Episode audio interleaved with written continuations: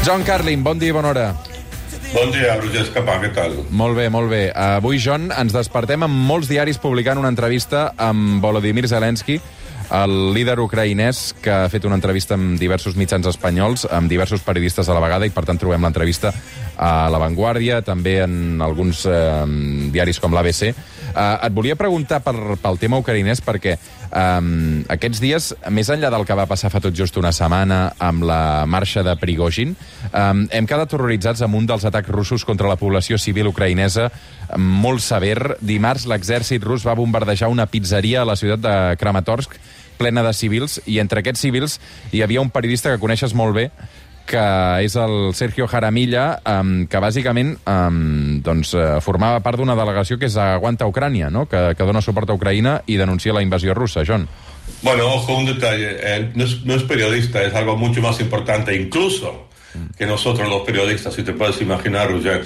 Eh, es Sergio Jaramillo, que es, es, una persona que yo conozco muy bien, somos buenos amigos, lo conocí en Colombia hace muchos años, estuve cubriendo la guerra y la paz, y él fue el arquitecto de la paz en Colombia, él fue el brazo derecho de, del presidente Juan Manuel Santos mm. en el proceso de negociaciones que acabó con la guerra civil de 50 años en Colombia, y ahora él está muy motivado a, a, participar de la manera que pueda eh, en, en, solidaridad con el pueblo ucraniano. Y formó un grupo que se llama una campaña, se llama Aguanta Ucrania, eh, que es para demostrar que en América Latina, pese a que muchos gobiernos ahí son ambivalentes en el tema de la guerra de Ucrania o neutrales o, o, o no sé qué, él quiere demostrar que hay gente en América Latina que está que tiene clara la situación moral en esta guerra y él ha, ha, ha conseguido las firmas de, de más de 100 eh, famosos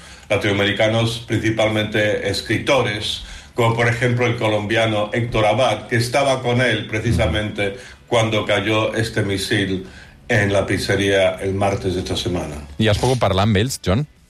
No, parlar no, pero de cierto modo seguí el, el, el drama, el horror de este, de este misil en la pizzería en, en vivo y en directo de, de, una buena distancia aquí en Barcelona, claro, a través de WhatsApp. Eh, Sergio Jaramillo me mantiene siempre informado de lo que está haciendo y me mandó, por ejemplo, minutos antes de que cayera el misil, me mandó un, un, un WhatsApp con, con, una foto diciendo, mira, aquí estamos a 35 kilómetros de, del frente en, en, la ciudad de, de Kramatorsk y, y poco después, para mi horror, o sea, yo me enteré de esto no en las noticias, sino a través de una persona que estuvo ahí, me dijo que estuvo en esta pizzería cuando cayó el, el misil. Eh, él no, no, sabía en ese momento, pero, pero sabemos ahora que murieron por lo menos 11 personas, más de 60 heridos, y él estaba en una mesa en la terraza y una mujer que era parte de su delegación, una escritora ucraniana, eh, le dio parte de un misil, un fragmento de esto, no sé cuál es la palabra, en, en, la cabeza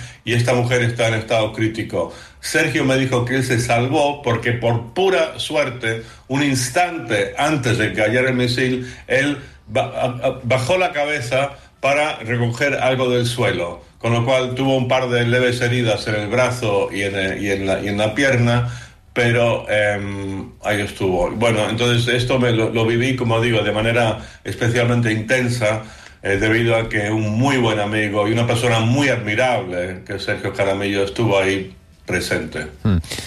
És al·lucinant com d'aleatòria és uh, la vida, però especialment una guerra, i, mm. i com la situació personal canvia en qüestió de minuts i, i, i l'atzar, ¿no? Uh, perquè... Sí, sí, sí. Mira, yo me acuerdo cuando yo estaba hace muchos años, cuando era un joven corresponsal cubriendo la guerra en El Salvador, me acuerdo una vez que iba por una zona de guerra y me, encuentro, me encontré con un campesino, un señor mayor, todo estaba tranquilo. Y le dije, o sea, con cierto nerviosismo, bueno, ¿cómo está la situación aquí? Eh, hay, hay, hay combates. Y me dijo, señor, aquí todo puede cambiar de un momento a otro. Y esa frase la tengo muy grabada y claro, es exactamente lo que puede ocurrir en un lugar como Ucrania en guerra en este momento. Mm.